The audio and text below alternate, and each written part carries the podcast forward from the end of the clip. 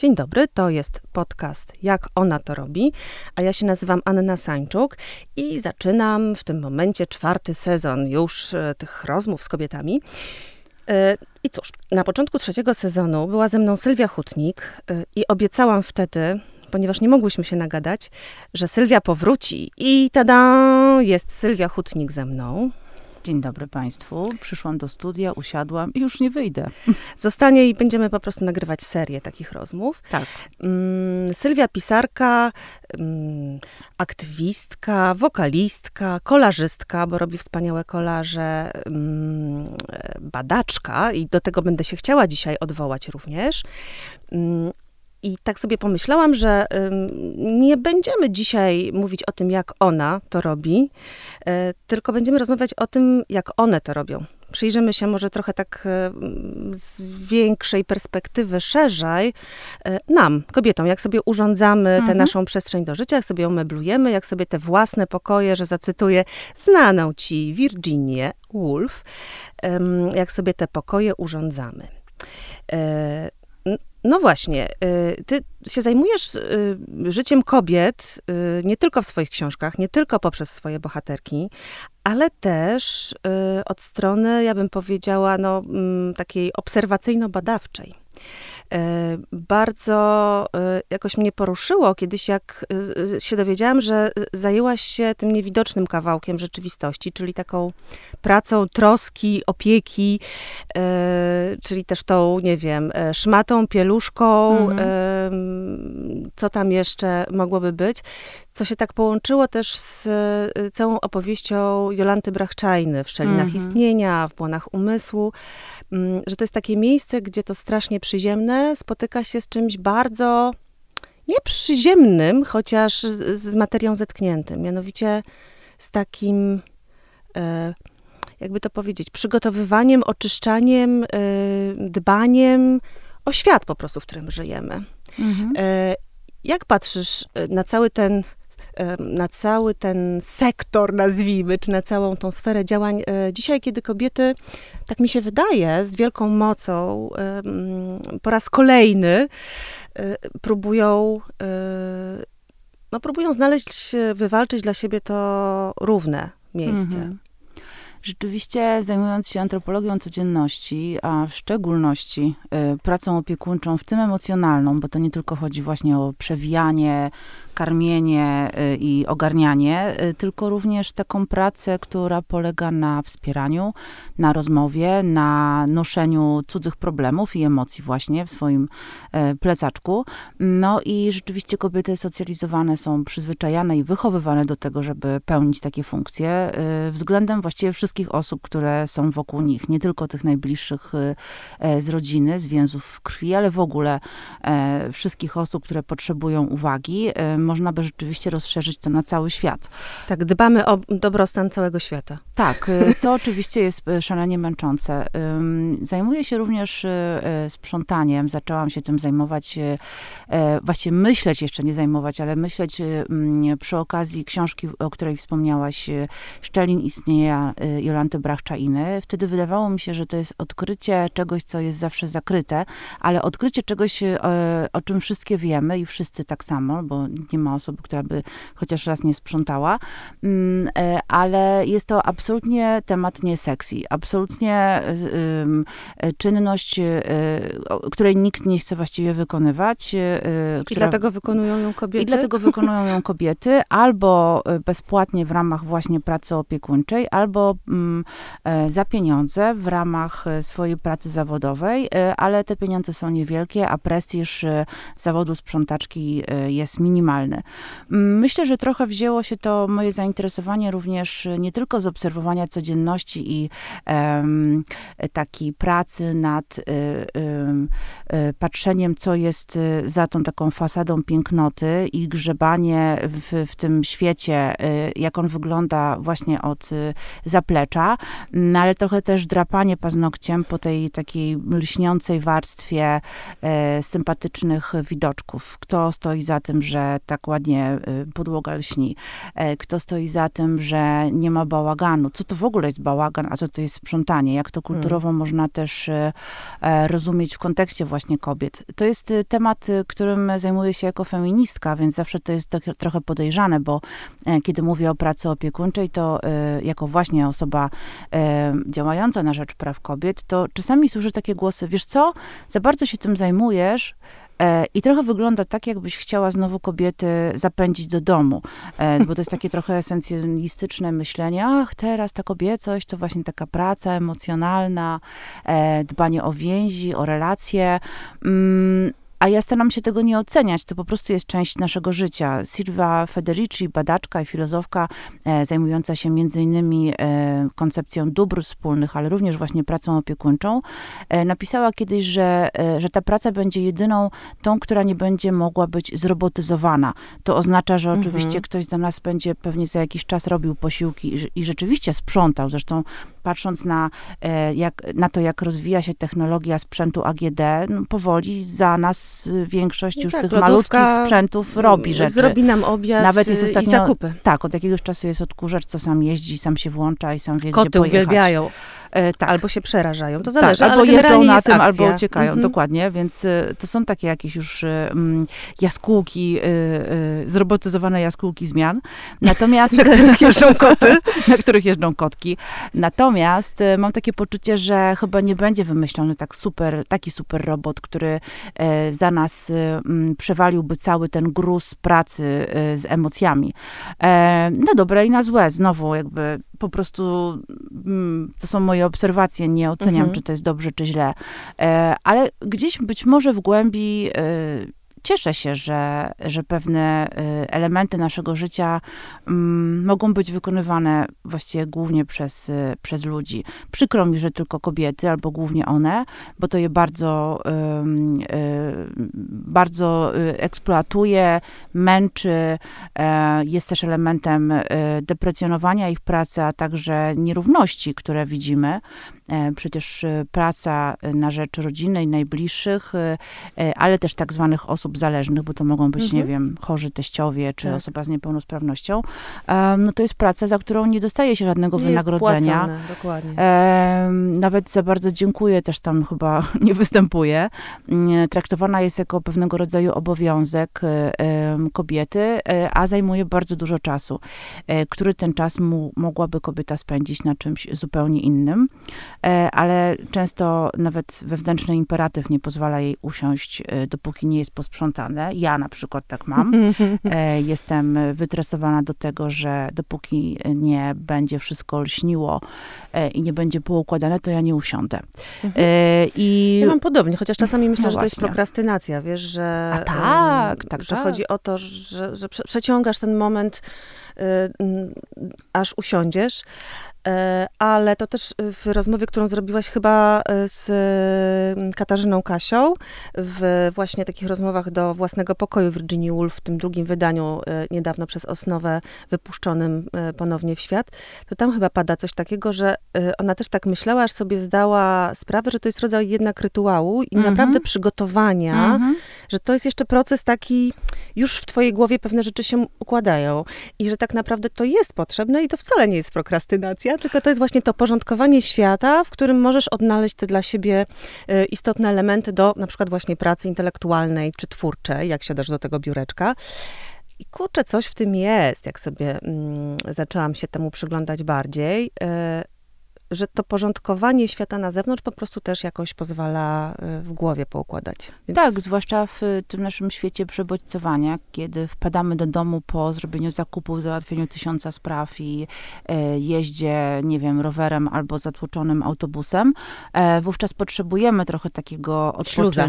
Tak, a jeżeli tym odpoczynkiem paradoksalnie jest y, miotanie się i krzątactwo, jak nazywała to Jolanta Brachczajna, wcześniej przez nas wspomniana, no to wtedy oczywiście możemy też porządkować sobie to, co mamy w głowie. Ja bardzo często już jadąc do domu, czy właśnie wykonując jakieś takie proste czynności, y, ogarniania przestrzeni. Y, myślę sobie y, o najbliższym tekście, który mam napisać, obrabiam go w głowie. Czyli porządkujesz właśnie. Porządkuję. Najpierw w głowie. Chociaż oczywiście pamiętajmy, że to jest multitasking, co ostatnio wcale nie jest takie popularne, a wręcz jest nacenzurowanym. To znaczy robienie w jednym momencie kilku rzeczy. Zamiast skupić się niczym w mindfulnessie na tym, że oto teraz jeździsz szmatą e, po podłodze i jakby celebrujmy, to ja już kombinuję, co, jaki, który będzie następny krok i, i co ja zrobię za chwilkę.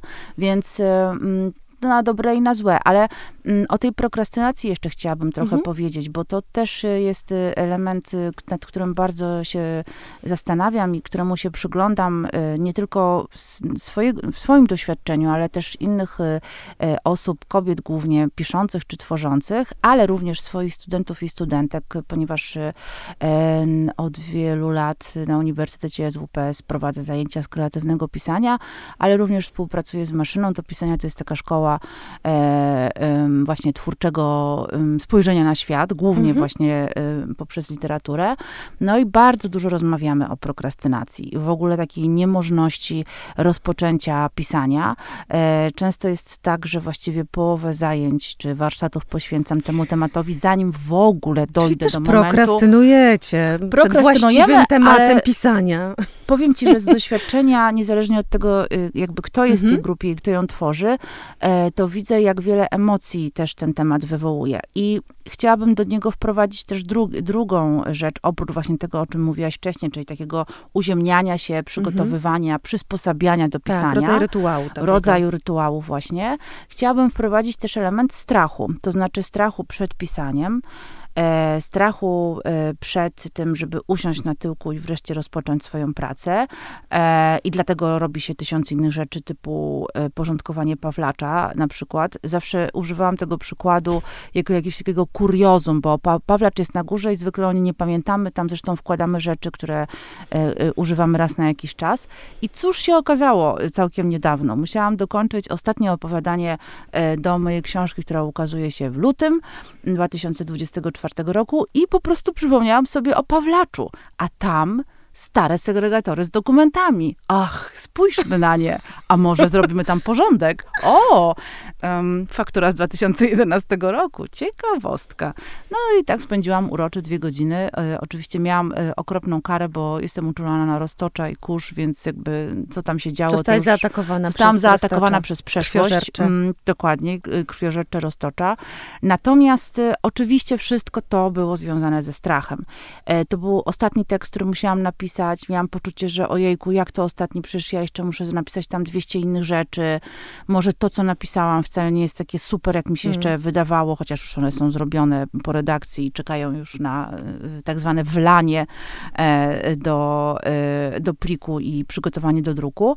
Mm, no i te wszystkie wątpliwości, te wszystkie jakieś takie mm, głosy wewnętrzne, krytykujące to, co robię, zrobiłam dotychczas, włączyły się na cały regulamin regulator i dlatego musiałam wziąć drabinę i tam się powspinać na górę. Zanurkować. Zanurkować w tej we w te.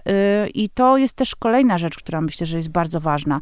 Y, natomiast w kontekście sprzątania i, y, i właśnie tego ogarniania czy krzątactwa, no to tutaj strach też się włącza. Nie tylko jakby w związku z tym, co ewentualnie mamy robić i co powinnyśmy robić, ale właśnie sprzątamy, tylko strach przed tym, że co ludzie powiedzą. Stary, dobry, od pani Dulskiej strach, y, co się stanie, jak przyjdzie policja porządkowa, zapuka do naszych drzwi i zobaczy, że na samym środku po prostu jest niewypastowana podłoga.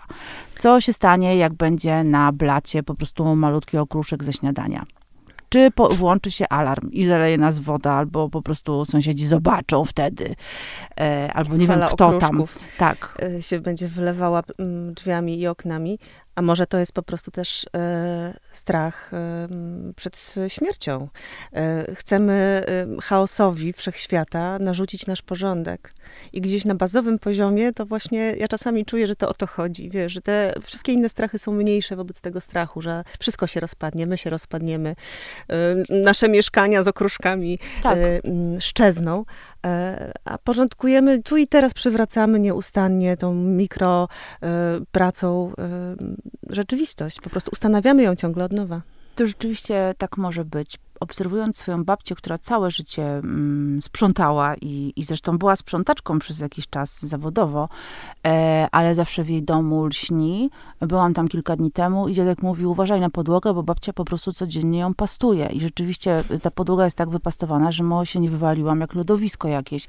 I cóż się okazało, babcia po prostu y, idzie jesień, e, a babcia boi się tej pory roku i boi się tego, że po prostu będzie mhm. w domu, że będzie szaro, że będzie znowu myślała no o tak, tym, z każdym rokiem że dziadek ma wysokie ciśnienie. Przybywa ciężaru lat. Tak, więc y, codzienne pastowanie podłogi jakoś jednak ten czas y, y, porządkuje i y, sprawia, że, że sobie on leci powolutku. Nie patrzymy na zegarek, nie patrzymy w wiadomości, e, nie patrzymy właśnie na siebie, na swoje zdrowie, zdrowie najbliższych e, i zajmujemy się tylko i wyłącznie malutkim wycinkiem rzeczywistości, jakim jest część podłogi i kilka klepek. Rezultat jest szybki, konkretny. Mamy sprawczość, no mhm. bo to dzięki nam można się potem świat wywalić. Trwa.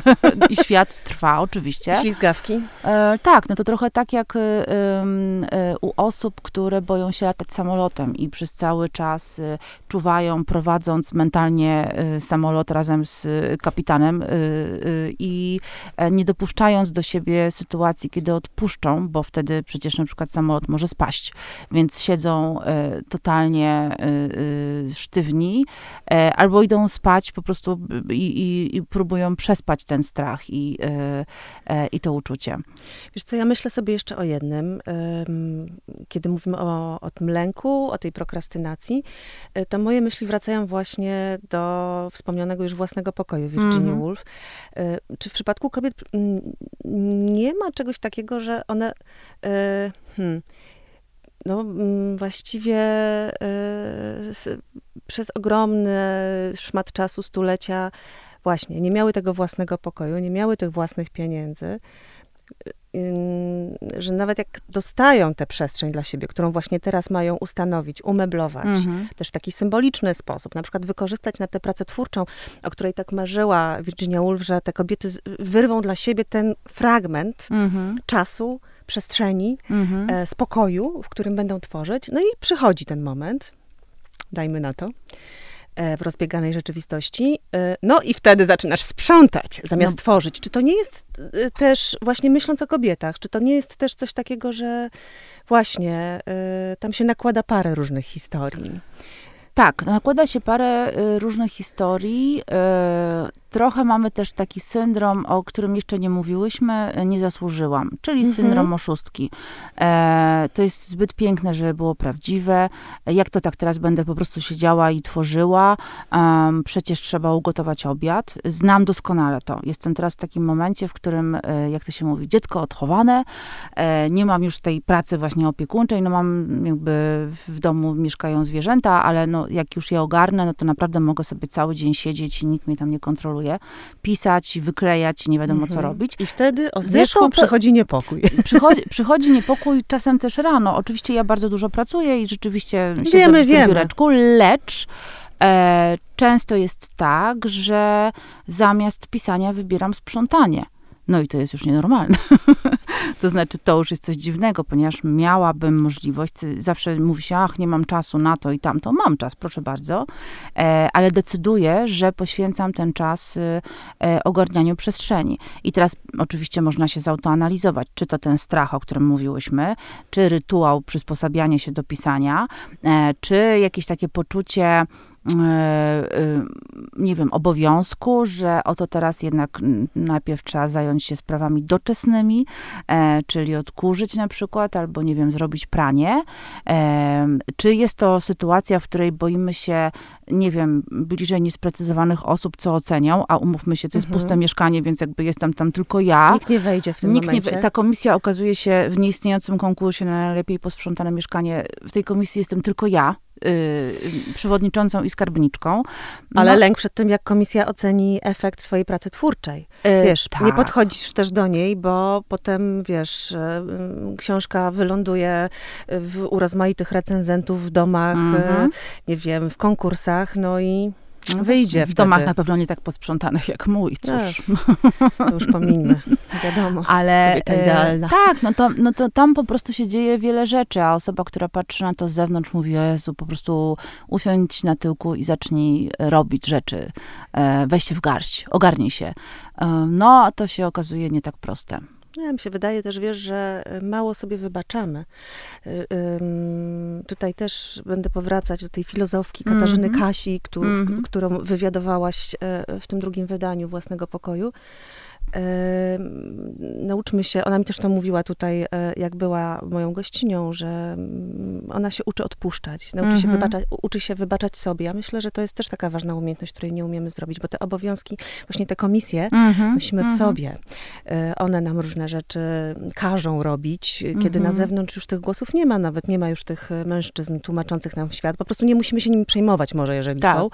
E, jesteśmy jakoś tam samodzielne, samobieżne, samoogarniające się i nawet mamy ten kawałek własnego pokoju z kawałkiem e, wyrwanej światu kasy. Mm, a jednak ciągle komisja działa, prawda? No, oczywiście ona działa, ponieważ jesteśmy socjalizowani do, do, do, tego, żeby wiecznie y, pytać się, czy dobrze może tak być, czy to jest okej. Okay. E, potrzebujemy y, z zewnątrz tego, takiej tej pieczątki, że dobrze, jesteś grzeczną, miłą i sympatyczną dziewczynką. Młode dziewczyny e... też? Bo wiesz, masz dostęp chociażby poprzez studentów. Ja mam córki. Zastanawiam się nad tymi mm, podobieństwami i różnicami. Mam nadzieję, Te, że my im no. nie dajemy tego szlamu, który same nosimy, ale Albo dajemy go się, mniej. Albo dajemy go mniej. Ja na przykład czasem patrzę na właśnie moje, e, na moją matrylinarność babci, mamy, mnie i e, często nawet rozmawiam z nimi, że zobaczcie, ja jestem trochę lepszym stuningowanym modelem, bo na przykład już... Nawet takie książki piszesz o tych pokoleniach, jak tak, bo... tyłem do kierunku jazdy, przecież przeszłaś właśnie przez pokolenia, dokładnie. Tak, tak, bo tak myślę sobie, jak, jak się zmieniają te różne mhm. postaci i e, mówię o tym stuningowaniu, bo na przykład moja babcia, jak jest umówiona na 13, to przychodzi o 12, moja mama przychodzi 12.20, 12.30, a ja za 10, za 5 e, i to uważam, że jest duży progres jakby pokoleniowy.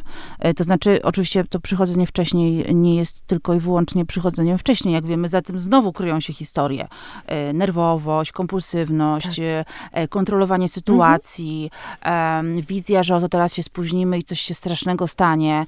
Nie lubię spóźnialskich, żeby było jasne, ale mm, no, przychodzenie godzinę wcześniej jest zdecydowanie o, o, o takim no, objawem no, daleko posuniętej nerwowości i ja pamiętam, tak, pamiętam, że przez wiele lat tak miałam.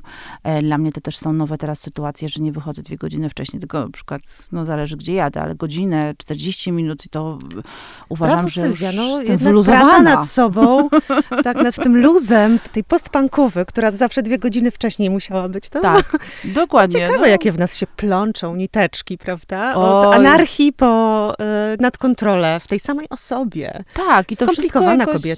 Skom no, to, to każdy z nas jest i każda tak, skomplikowana o tyle, że jest pełna jakichś sprzeczności i trudno jakby w związku z tym rozwiązać to, to co tam się dzieje w nas.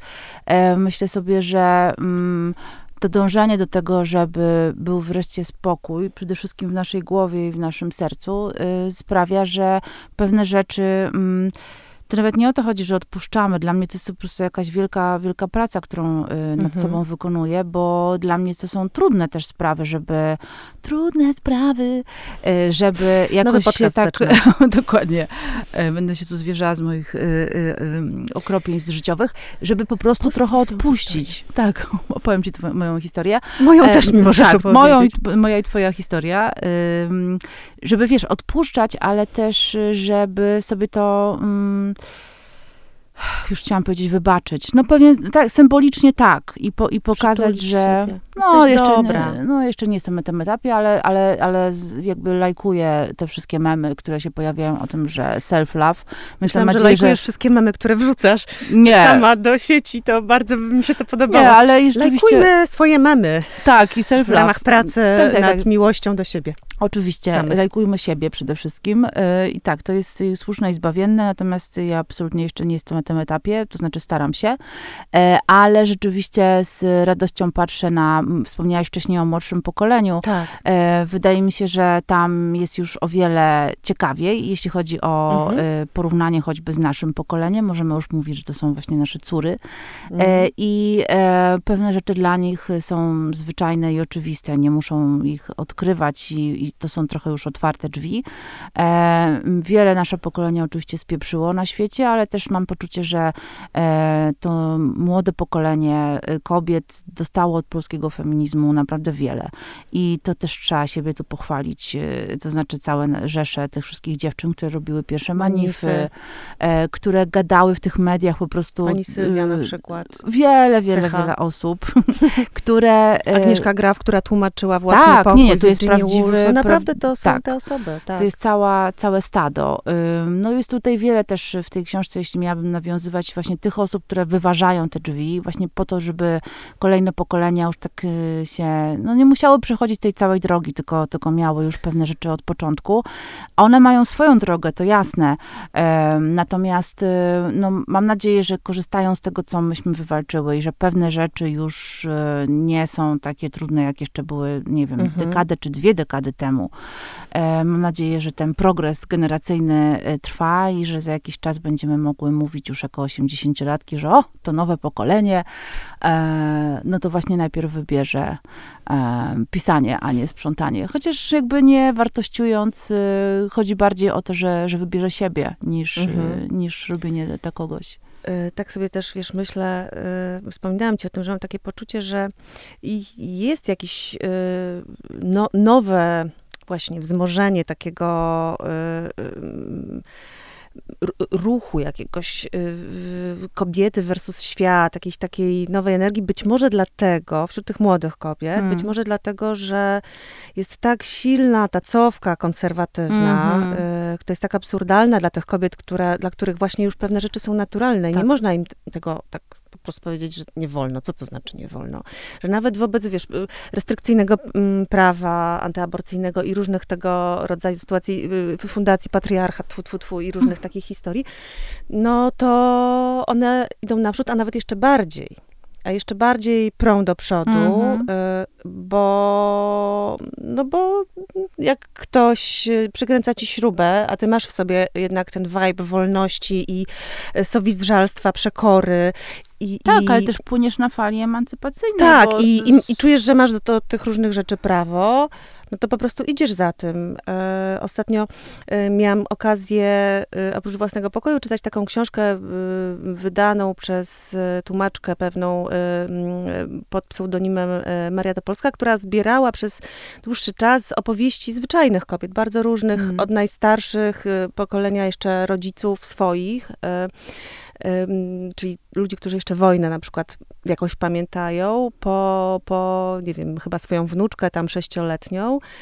Niesamowite było dla mnie w tym pokoleniu starszych kobiet, jak wiele z nich już na takim późnym etapie nagle też w zderzeniu często z młodym pokoleniem i tym, co ono robi, dziewczyn, e, mimo że pochodziły z takich, powiedzmy, nie, jakichś nie, niewielkich, dosyć konserwatywnych środowisk, e, zdobywały się na jakiś rodzaj przekroczenia, wyzwolenia, zobaczenia mm -hmm. swojej sytuacji, e, jakiegoś takiego na przykład u, u, uwięzienia w jakimś układzie, który im nie pasuje, e, czasem wyjścia z tego układu, a czasem czasem po prostu zrozumienia mm -hmm. tego i zaznaczenia swojej odrębności i swojego prawa do tej odrębności, co mi się wydaje gigantycznym w ogóle skokiem. No to jest e, fantastyczne. E, zwłaszcza że... w tamtym pokoleniu właśnie, że te tak. kobiety już tak dojrzałe, dojrzalsze niż ja czy ty, e, też są w stanie te prace ciągle wykonać na takim już późnym etapie swojego życia. To jest wspaniałe. Tak, zawsze można ją wykonać, tylko nie, nie zawsze człowiek wierzy, że to cokolwiek zmieni, albo boi się, że jak zobaczy pewnych rzeczy, to nie odzobaczy i co wtedy.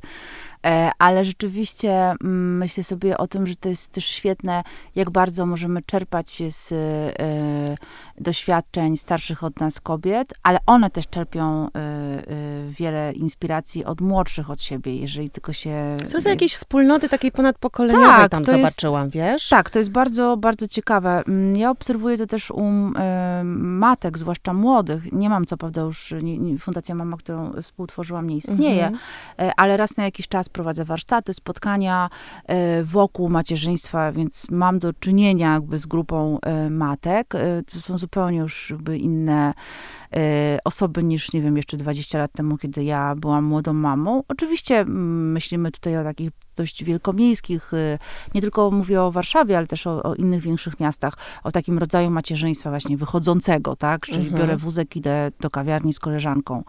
E, bardziej niż na przykład na plac zabaw. Znaczy, no, okej, okay, tam też pójdę, ale jest mi mile, jak siedzę sobie przy espresso.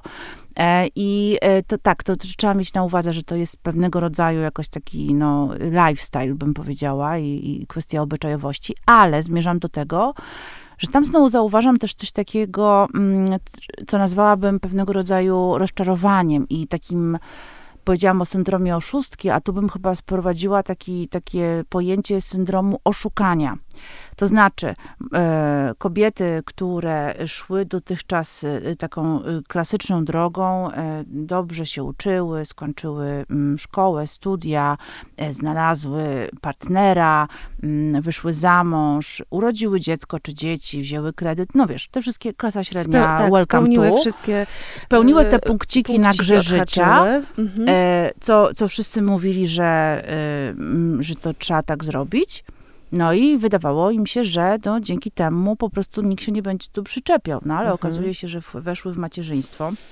A jak wiemy, w polskiej kulturze e, matka jest dobrem wspólnym, więc każda osoba może podejść do ciebie i powiedzieć ci, że dziecko źle ubrałaś, albo że źle je karmisz piersią, albo że nie karmisz piersią. No generalnie zawsze... Źle niesiesz, Matka źle zawsze dotykasz. źle. Tak. Zawsze coś tam będzie do skrytykowania. I one się trochę tym irytują na, na początku, no bo nie to, że się utyrają, y, zwłaszcza przy pierwszym dziecku, gdzie nie ma tej instrukcji obsługi i w ogóle po prostu się miotasz, a jeszcze często y, próbują połączyć pracę zawodową z właśnie pracą opiekuńczą, y, czytają, y, nie wiem, y, broszurki w internecie, że jest work-life balance, okazuje się balastem, y, są spocone, tak, po prostu wymemłane, zamiast być super ekstra żoną, matką matka, żona i kochanka, e, to wieczorem zamiast uprawiać dziki seks, e, po prostu padają w podomie z rozmytym makijażem gdzieś e, na łóżko i tyle je widzieli. Mm, więc po prostu zaczynają zawalać, w cudzysłowie, na różnych frontach, które oczywiście muszą być super ekstra świetne. No i kurde, czują się totalnie oszukane, no bo ej, mm. co miało? Miało być fajnie, a jest fatalnie. No jeszcze nie umieją sobie wybaczyć. I jeszcze nie, oczywiście nie totalnie mają poczucie winy, że e, nie dość dobrze opiekują się dzieckiem, że są nie dość dobrymi pracownicami, że właśnie mają nie dość posprzątane w domu, e, że nie dość gotują kuchnię pięciu przemian, że nie dość są super ekstra z e, świeżym manikurem w seksownej biliźnie wieczorem, po prostu wyleżane na, na szezlongu, czekające na romantyczne bzykanie. No i się okazuje, że jest naprawdę ciężko, bo no nie tak miało być, a re, reklamacje, no nie wiem, gdzie możesz zgłaszać. Nie ma, nie ma adresu podanego.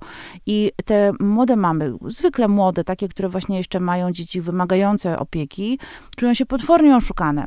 I ta frustracja idzie tak, albo w nie, czyli ładują siebie, że moja wina, moja wina, moja mhm. bardzo wielka wina, albo frustracja na zewnątrz, wszyscy po prostu mnie oszukali, ten świat jest głupi, e, zostawcie mnie w spokoju, odczep się ode mnie, co mm. też jest słabe, no bo jakby mm, strzelanie na zewnątrz, tak nie, niekoniecznie jakby to są te osoby, które naprawdę są winne tej sytuacji. Właściwie nie wiadomo, kto jest winien, no bo czy to jest tak zwany system patriarchalny, e, ale on często ma imię i nazwisko. E, czy I to PESEL. jest i PESEL, e, czy to jest moja wina właśnie, no bo przecież mogłam, mogłam nie rodzić, mogłam nie brać ślubu albo się nie wiązać, mogłam... No zresztą wiele młodych kobiet takie decyzje w tej chwili całkowicie świadomie podejmuje no i, i im więcej ich jest, tym więcej się czuje przynajmniej y, za, zachęconych, może to jest źle powiedziane, mających ten wybór bez y, jakiegoś straszliwego odium, nie? Tak, oczywiście, ale też y, myślę sobie, że ta sytuacja jakkolwiek jest właśnie frustrująca i trudna, no bo, bo tak się łatwo mówi, ach, wiesz, musisz zobaczyć, co dla ciebie jest dobre, zadać sobie pytanie, co ty byś chciała. No dobra, zadasz sobie pytanie, odpowiesz i się okaże, że, że to dziecko chcesz, już jest i co? Że ty masz ten dom na kredyt, po prostu domek na tam prerii, na gdzieś nie wiem, pod miastem z totalnym kredytem, z kolesiem, który tak no nie za bardzo, nie, w ogóle nie wiadomo, co on tam robi, e, dzieci, a ty w ogóle byś chciała być właśnie malarką a jesteś w korpo na godziny i jak to do tego doszło, nie wiesz. W sensie, to w ogóle nie jest twoje życie. No i teraz co? Mhm. No sobie uświadomiłaś to i co masz z tym zrobić? Trzasnąć drzwiami? No nie, bo jesteś odpowiedzialna, bo już się powiedziało a i tak dalej. I to są naprawdę jakby bardzo trudne rzeczy, bo ten taki pop coaching, y, y, pop psychologia współczesna mówi, ach właśnie tak, jesteś tego warta, zmień coś życie, weź sprawę w swoje ręce. No kurde, ale jak masz wziąć sprawę w swoje ręce, jak na przykład zarabiasz 50 razy mniej, nie, jesteś zależna ekonomicznie od różnych osób, e, nie wiem, masz dziecko z niepełnosprawnością, albo na przykład y, e, nie masz zasobów właśnie ekonomicznych, żeby, żeby być niezależną, żeby w ogóle przeżyć. Mhm. No bo... Widzę własny pokój, zawsze do tego wrócimy. Tak, no własny pokój w większych miastach I pięć teraz... Gwinei, czy tam sześć. Tak, no kosztuje 50 milionów Gwinei, bo, bo ceny poszybowały w górę, jest inflacja, no i teraz, no co masz zrobić z tą wiedzą, że bądź sobą? No ale, ale że co? ale jak? Mhm. I y, y, kobiety czują się bardzo oszukane i mało tego, one, one widzą pewne rzeczy, bo są bardzo ambitne, dokształcają się, czytają, rozmawiają o tym z innymi kobietami, rodzą im się te refleksje, tylko że teraz nie wiadomo, co z tym zrobić. A trzy czwarte właśnie tego pop coachingu otwiera te kobiety i je zostawia. I mówi, no, no to teraz już znalazłaś siebie, bye, Mhm. e, zapłać mi za webinar. E, I to jest y, tragedia. Oczywiście nie mówię tego tutaj z pozycji osoby, która wie, co dalej z tym zrobić. Nie jestem zresztą psycholożką, ale jako kulturoznawczyni obserwuję, że no, to jest bardzo ciężkie. Druga rzecz jest też taka, że mm, e, no cóż, no, moja koncepcja jest taka, że za kilka lat będzie jeszcze więcej młodych lesbijek, ponieważ y, patrząc na e, to, jakie są preferencje trend. tak, wyborcze i polityczne, no to jeżeli młodzi y, mężczyźni głównie smolą cholewy do takich prawicowych, y, dość tradycjonalistycznych narracji o, o tym, jak powinien wyglądać podział obowiązków i gdzie jest miejsce kobiety, a kobiety są super ekstra lewicowo otwarte i liberalne, no to hej, no jakby... Pff, no, gdzie oni się mają spotkać? Bardzo im w ogóle współczuję tym kobietom, no bo, no dobra, no, ja myślę, że jak będą chciały bardzo założyć rodzinę i dziecko, to zacisną zęby i będą słuchać tych pierdół w domu, żeby tylko tam ten, ale po kilku latach szlak je trafi, no bo ile możesz po prostu... Powiem ci, że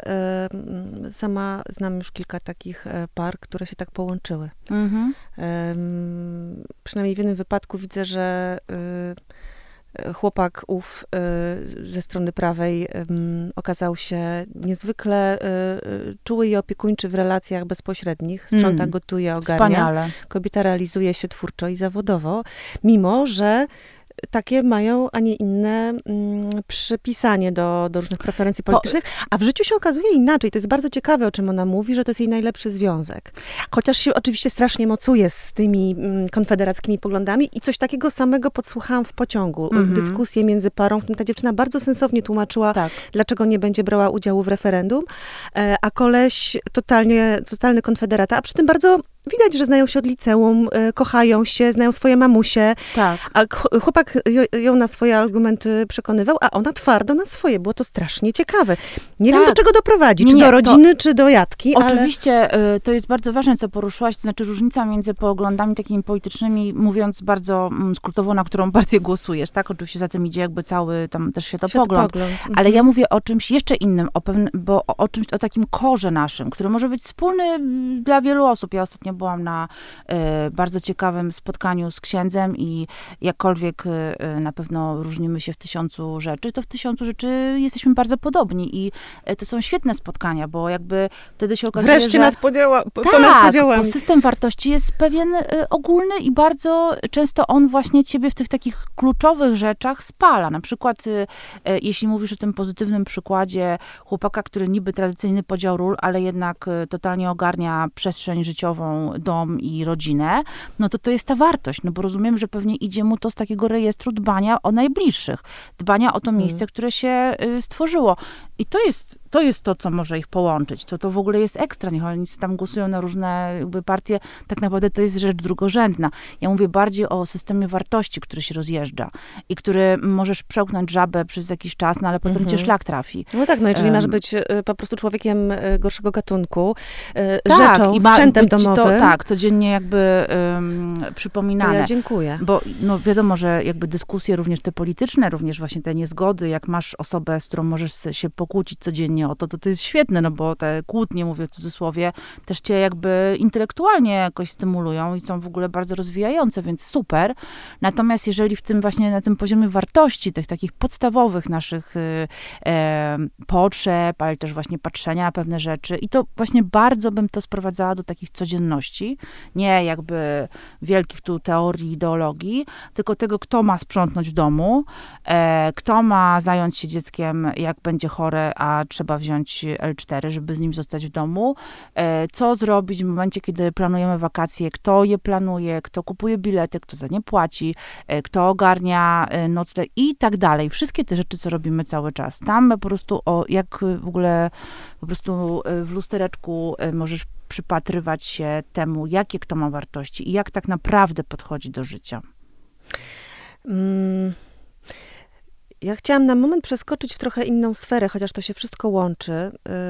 Y, skoro ciągle zaglądamy do tego y, własnego pokoju, a ty miałaś okazję i pisząc te wywiady dołączone do eseju, słynnego eseju Virginia Woolf, ale też robiąc inne podejścia do innych rzeczy przez ciebie pisanych, trochę popodróżować i na przykład y, zaglądałaś w miejsca, w których te kobiety, które w jakiś sposób nam te drzwi właśnie otwierały i nam pokazywały jakiś kierunek, e, jak one urządzały sobie ten, ten świat, swój pokój. Od takich, do realnych pokojów po prostu wchodziłaś. To tak. jest takie bardzo ciekawe, bo oczywiście to jest jakaś przestrzeń symboliczna, o której mm -hmm. mówimy i, i, jak już wiele razy o tym rozmawiałyśmy, ten własny pokój to może być, nie wiem, e, własne ciało, własna głowa, e, czas, ale może być właśnie biurko, książki i tak dalej, i też te pieniądze.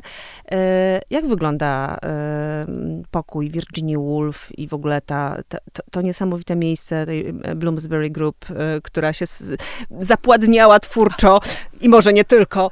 E, I te dyskusje po świt i ekscentryczne jakieś spotkania mm, przy substancjach rozmaitych. Mhm.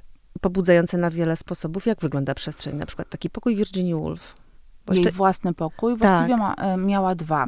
E, jeden to taki pokój, który był mm, po prostu częścią domu. Zresztą malutki pokój, w którym ona miała swoje malutkie łóżko, książki e, z regałami również nad samym e, łóżkiem, także no, właściwie można powiedzieć nad głową.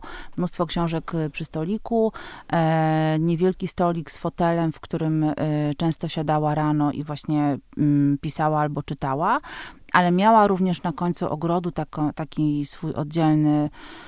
nie wiem jak to powiedzieć, taką, taką szopę, to trochę wygląda z zewnątrz, no ale taki pokój Własna właśnie szopa. Własna e, szopa. Następny odcinek własnego pokoju. no właśnie, trzeba jakieś kolejną własna szopa, ale to się też łączy z tym, co, o czym zaraz powiem. W każdym razie Bo faceci sobie... mają, wiesz, składzik z narzędziami, tak, a kobieta też powinna mieć własną szopę. Ona sobie szła z tego Hej. domu przez cały piękny ogród. i tam kwiat, sobie, ten tak, angielski ogród, wiesz. I ona sobie tam siedziała i pisała i rzeczywiście e, można tam teraz, znaczy nie, nie można wejść, ale mm, no, można tam zobaczyć, to jest przeszklone. Mm, e, I to, co było bardzo ważne, to to, że y, właściwie mówię teraz o Virginia Woolf, ale jak badam i odwiedzam e, Również bardzo, inne miejsca. tak, róż, mhm. inne miejsca, inne kobiety. E, e, to wszystko powstaje w ramach książki, którą przygotowuję, więc pewnie trochę o, o tym więcej powiem, kiedy już wyjdzie. Dość, że te ogrody są też bardzo ważnym elementem.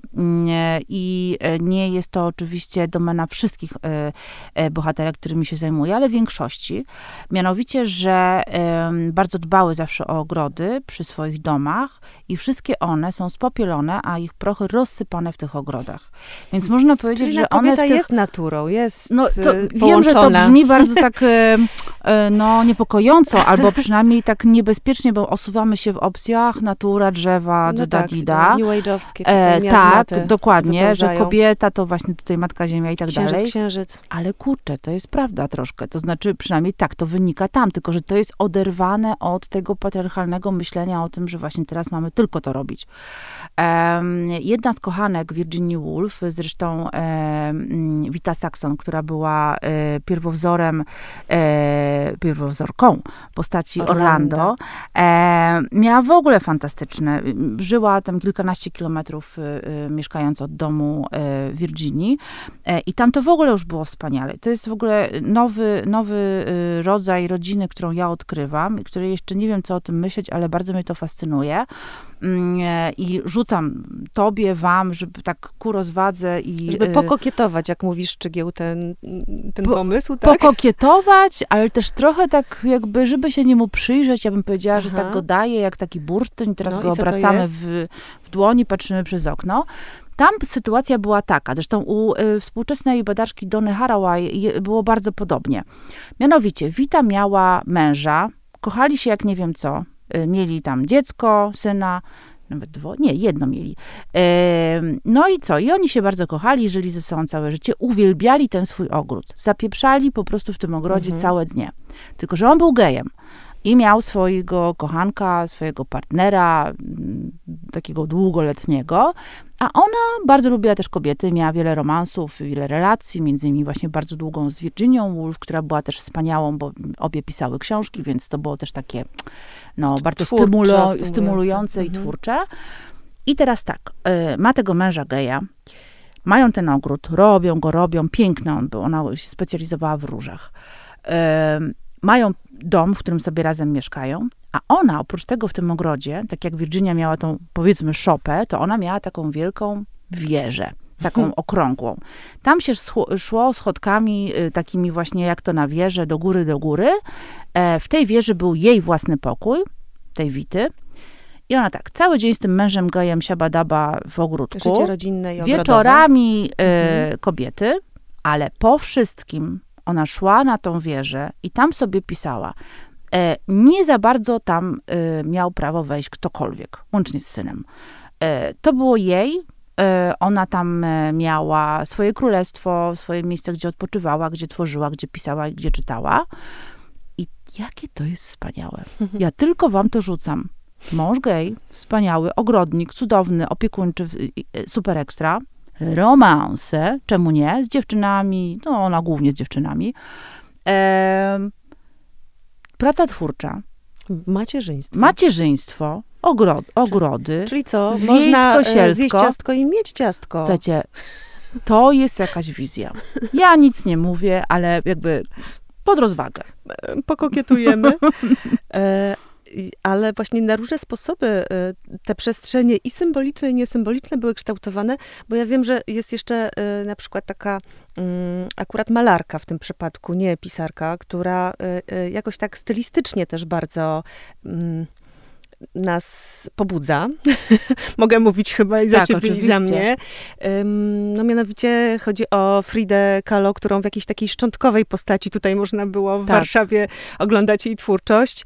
E, a ty byłaś w jej domu, w domu jej i e, jej Diego męża, Rivery, tak. Diego Rivery. I to też jest jakaś taka opowieść o, o szczególnym związku. Znowu znowu, no co ja na to poradzę? No wbrew aktualnej e, władzy tutaj ludzie ustawiają swoje międzyludzkie połączenia niekoniecznie hmm. zgodnie z kanonem tradycyjnie pojętej rodziny i płci. Taki będzie właśnie e, główny jakby sznyt tej mojej książki, którą, nad którą pracuję wspólnie z Justyną Bilik. Razem E, wybieramy po 10 bohaterek, które właśnie łamią konwenanse. Są Żydówkami, queerowymi, często antyfaszystkami, mieszkają wbrew tradycyjnym formom rodziny, tworzą te nowe rodziny, nowe mhm. konfiguracje, mhm. próbują się w nich odnaleźć. Rozpoznają bojem, można powiedzieć, tak, prawda? Bo nie ma jeszcze wtedy tych tak, bardzo sprawdzić, czy to w ogóle wzorów. Tak, mhm. czy, to działa, czy to działa, czy to nie działa, bo czasem fajnie coś jakby brzmi w teorii, a w praktyce się nie sprawdza. A one mają tę odwagę, żeby szukać y, dla siebie siebie idealnej sytuacji. Frida Kahlo, o której wspomniałaś wcześniej, oprócz e, tego niebieskiego domu, który jest najbardziej znany, który jest jej domem rodzinnym, do, do którego później powróciła razem z Diego, zresztą rozwodząc się z nim, znowu wychodząc za niego w trakcie, mając romanse z kobietami, mężczyznami i tak dalej. Mm, ale oni mieli też jeszcze jedno, jedno miejsce, mianowicie swoje pracownie, które były obok siebie, ale miały oddzielne wejścia i były połączone takim mostkiem. mostkiem tak słyszałam. Tak, takim mhm. mostkiem, y, tak, nie korytarzem, bo, bo to jest otwarte. W każdym razie, y, co to oznaczało? Każdy sobie robi swoje, jak ktoś chce, to może tym mostkiem przejść do drugiej osoby i na przykład, nie wiem, zaprosić na herbatkę, e, ale jesteśmy razem i oddzielnie. E, co wydaje mi się, że dla e, twórczych zawodów jest, jest chyba bardzo ważne. Mhm. oczywiście, kiedy na przykład patrzę na, na zdjęcia innej mojej bohaterki, Tywe Jansson, która z swoją długoletnią, właściwie przez prawie całe życie partnerką, między innymi miały taką, taki mały domek na, na wyspie i ich zdjęcia, kiedy jako już no, takie dojrzałe kobiety siedzą sobie przed tym domkiem przy dużym stole i każda sobie coś tam robi. Lepi, maluje, rysuje. Są obok siebie, ale mają swoje rzeczy do zrobienia, bo obie są twórczyniami. Mm, więc e, te takie razem i osobno są bardzo ciekawymi też e, formami właśnie próby e, dzielenia życia z inną osobą, ale jednocześnie zostawienia swojej niezależności. Mhm. Virginia Woolf, do której teraz jeszcze wrócę i do jej eseju Własny Pokój, który m, mm, cały czas się przewija w czasie naszej rozmowy, ona tam pisze bardzo ważną rzecz. To nie tylko chodzi o własny pokój rozumiany jako miejsce do właśnie twórczości. Ten pokój musi mieć koniecznie zamknięte drzwi. e, I... E, Trochę to jest tak, że, że właśnie ta praca opiekuńcza, praca emocjonalna na rzecz innych ludzi i tak dalej, w ogóle bycie też z innymi ludźmi, bo absolutnie nie chcę, żeby to wszystko, co mówię, brzmiało jako taka kultura e, indywidualizmu. Tak, nie jestem egoistką, odetnij się od wszystkich. Tak, bądź niezależna, gdzieś, tak. dokładnie. Nie, nie, nie, ja nie, w ogóle nie jestem taką osobą, otaczam się ludźmi. Wspólny ale... pokój też jest potrzebny, tak, oprócz tego własnego. Wspólny mhm. pokój jest świetny, e, ale ten własny pokój powinien mieć drzwi. I jak sobie myślę o, o tej takim, takiej wieży, tej Wity, o której wspomniałam wcześniej, że ona sobie idzie po schodkach i mówi pa e, i siedzi we własnym pokoju. Zresztą tak on jest tam przedstawiany i tak jest nazywany e, w muzeum, które teraz jest e, na miejscu ich posiadłości. Mm, no to, to myślę sobie o takim pewnego rodzaju właśnie balansowaniu pewnie też oni mieli wiele razy jakieś problemy w tym, żeby no właśnie być ze sobą, a jednocześnie być niezależnymi twórcami, twórczyniami ale to jest jakaś próba znalezienia takiego balansowania między życiem społecznym, życiem w relacjach różnego rodzaju, e, a życiem e, artystki czy pisarkim. To zawsze, to jest tak jak ten work-life balance, to zawsze jest taniec pingwina na szkle.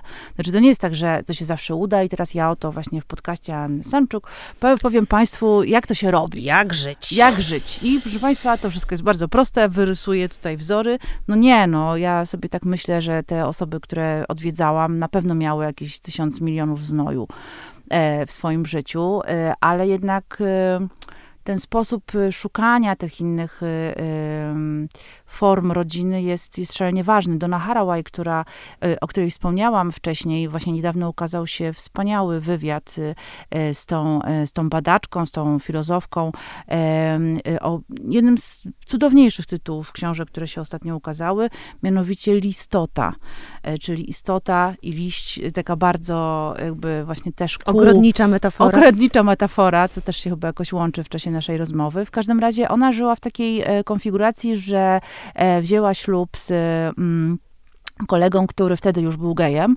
E, po trzech latach jednak stwierdzili, że no, w ten sposób nie mogą żyć i on e, związał się z, e, z mężczyzną, ona też się związała z kolejnym mężczyzną i w czwórkę sobie żyli do, do śmierci po kolei każdej z tych osób.